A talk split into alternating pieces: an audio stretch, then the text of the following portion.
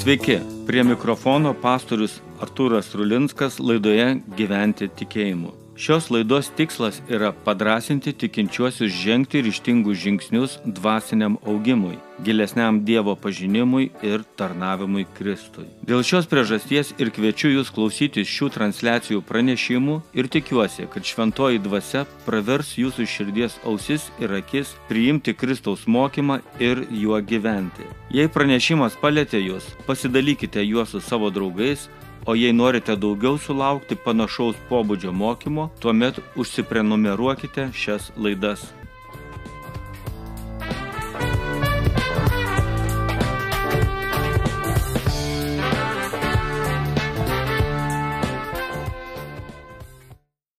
Sveiki, brangus klausytojai. Skaitau laišką Hebrajams 5 skyrių 14 eilutę. Tik subrendusiems dera stiprus maistas, tiems, kurie pratybomis išlavino savo pojūčius, kad atskirtų gerą nuo blogo. Kiekvienas žinome, kad mums reikia lavintis ir negalime stovėti vietoje, nes nesilavindami laiko eigoje pradedame silpnėti. Apie lavinimąsi galime kalbėti daugeliu aspektų, lavinti fizinius pajėgumus, lavinti emocinį atsparumą, lavinti išsimokslinimą ir taip toliau. Vien važiuojant miesto gatvėmis matome daug įstaigų ir institucijų su iškabomis, kurios mums praneša, kad reikia save palavinti ir patobulinti. Sporto klubas, anglų kalbos kursai, grožio salonas, vairavimo mokykla. Kai važiuojame pro bažnyčią, tai to jausmo nebūna, kad čia yra kažkokia vieta, kur galėčiau save patobulinti ar palavinti.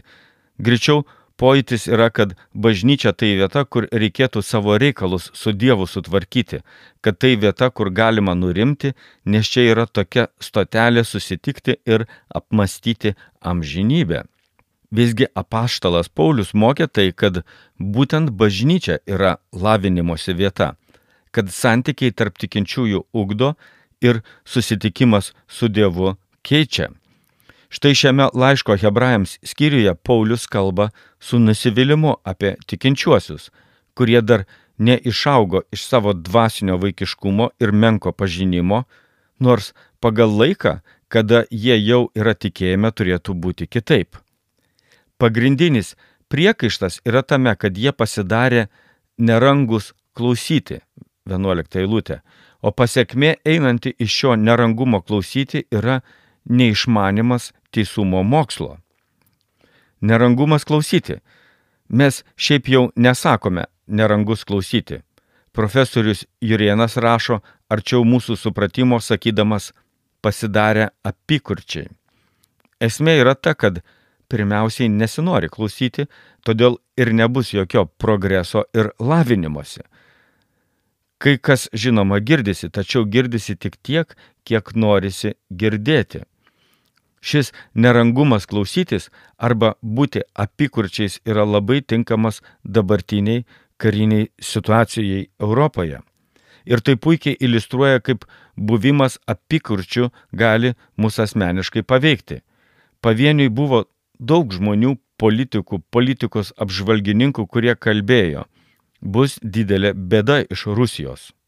Užpuolė vieną valstybę ir atkirto gabalą žemės, užpuolė antrą valstybę ir vėl atplėšė dalį teritorijos, Putinas nesustos.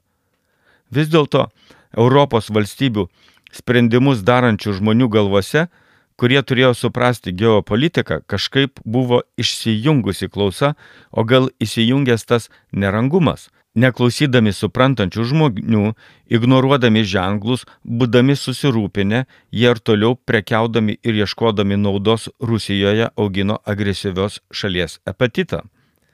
Nerangumas klausytis visam žemynui pridarė daug bėdos, o pasiekmėje suluošinti milijonų žmonių gyvenimai. Jonas Ochmanas knygoje Donbaso džiazas apie buvimą karo situacijoje kalba tokiamis mintimis. Manyčiau, įdingiausias bruožas vis dėlto ne durnumas ir durnas kartais gali suprasti, o tingumas - nenoras pasistengti ir rasti atsakymą. Pokario partizanas Jonas Kadžionis bėda buvo teisus sakydamas, kad stipriausias partizanų ginklas ne patys ginklai, o tikėjimas. Aš savo akimis matantis tebe vykstantį konfliktą su bolševikų palikuonėmis galiu tik tai patvirtinti. Prieš tikėjimą šarvas bejėgis. Tačiau reikia suprasti ir žinoti, kuo tiki, rašo Ohmanas.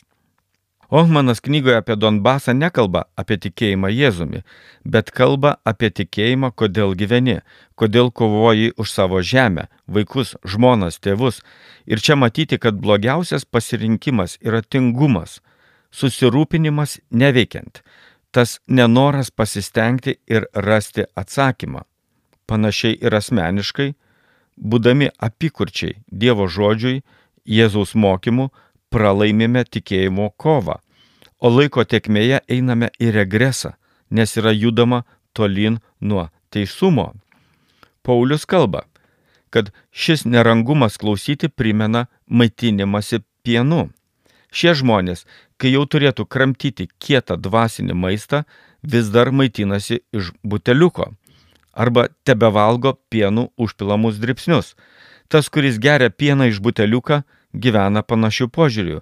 Jam buteliuką kažkas turi paruošti, pienas negali būti per karštas, kad nenudegintų, arba per šaltas, kad nesusirgtų, turi būti paduotas tinkamu laiku, nei, nei per anksti, nei per vėlai.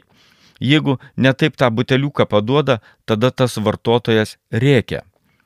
Kas yra keiščiausia, Štai toks palyginimas ir duodamas kalbant ne apie mažamečius vaikus, bet apie suaugusius žmonės, kurie dvasinėje brandoje vis dar yra mažamečiai. Bažnyčia yra lavinimosi vieta, kur stiprus akcentas yra į teisumo mokslą.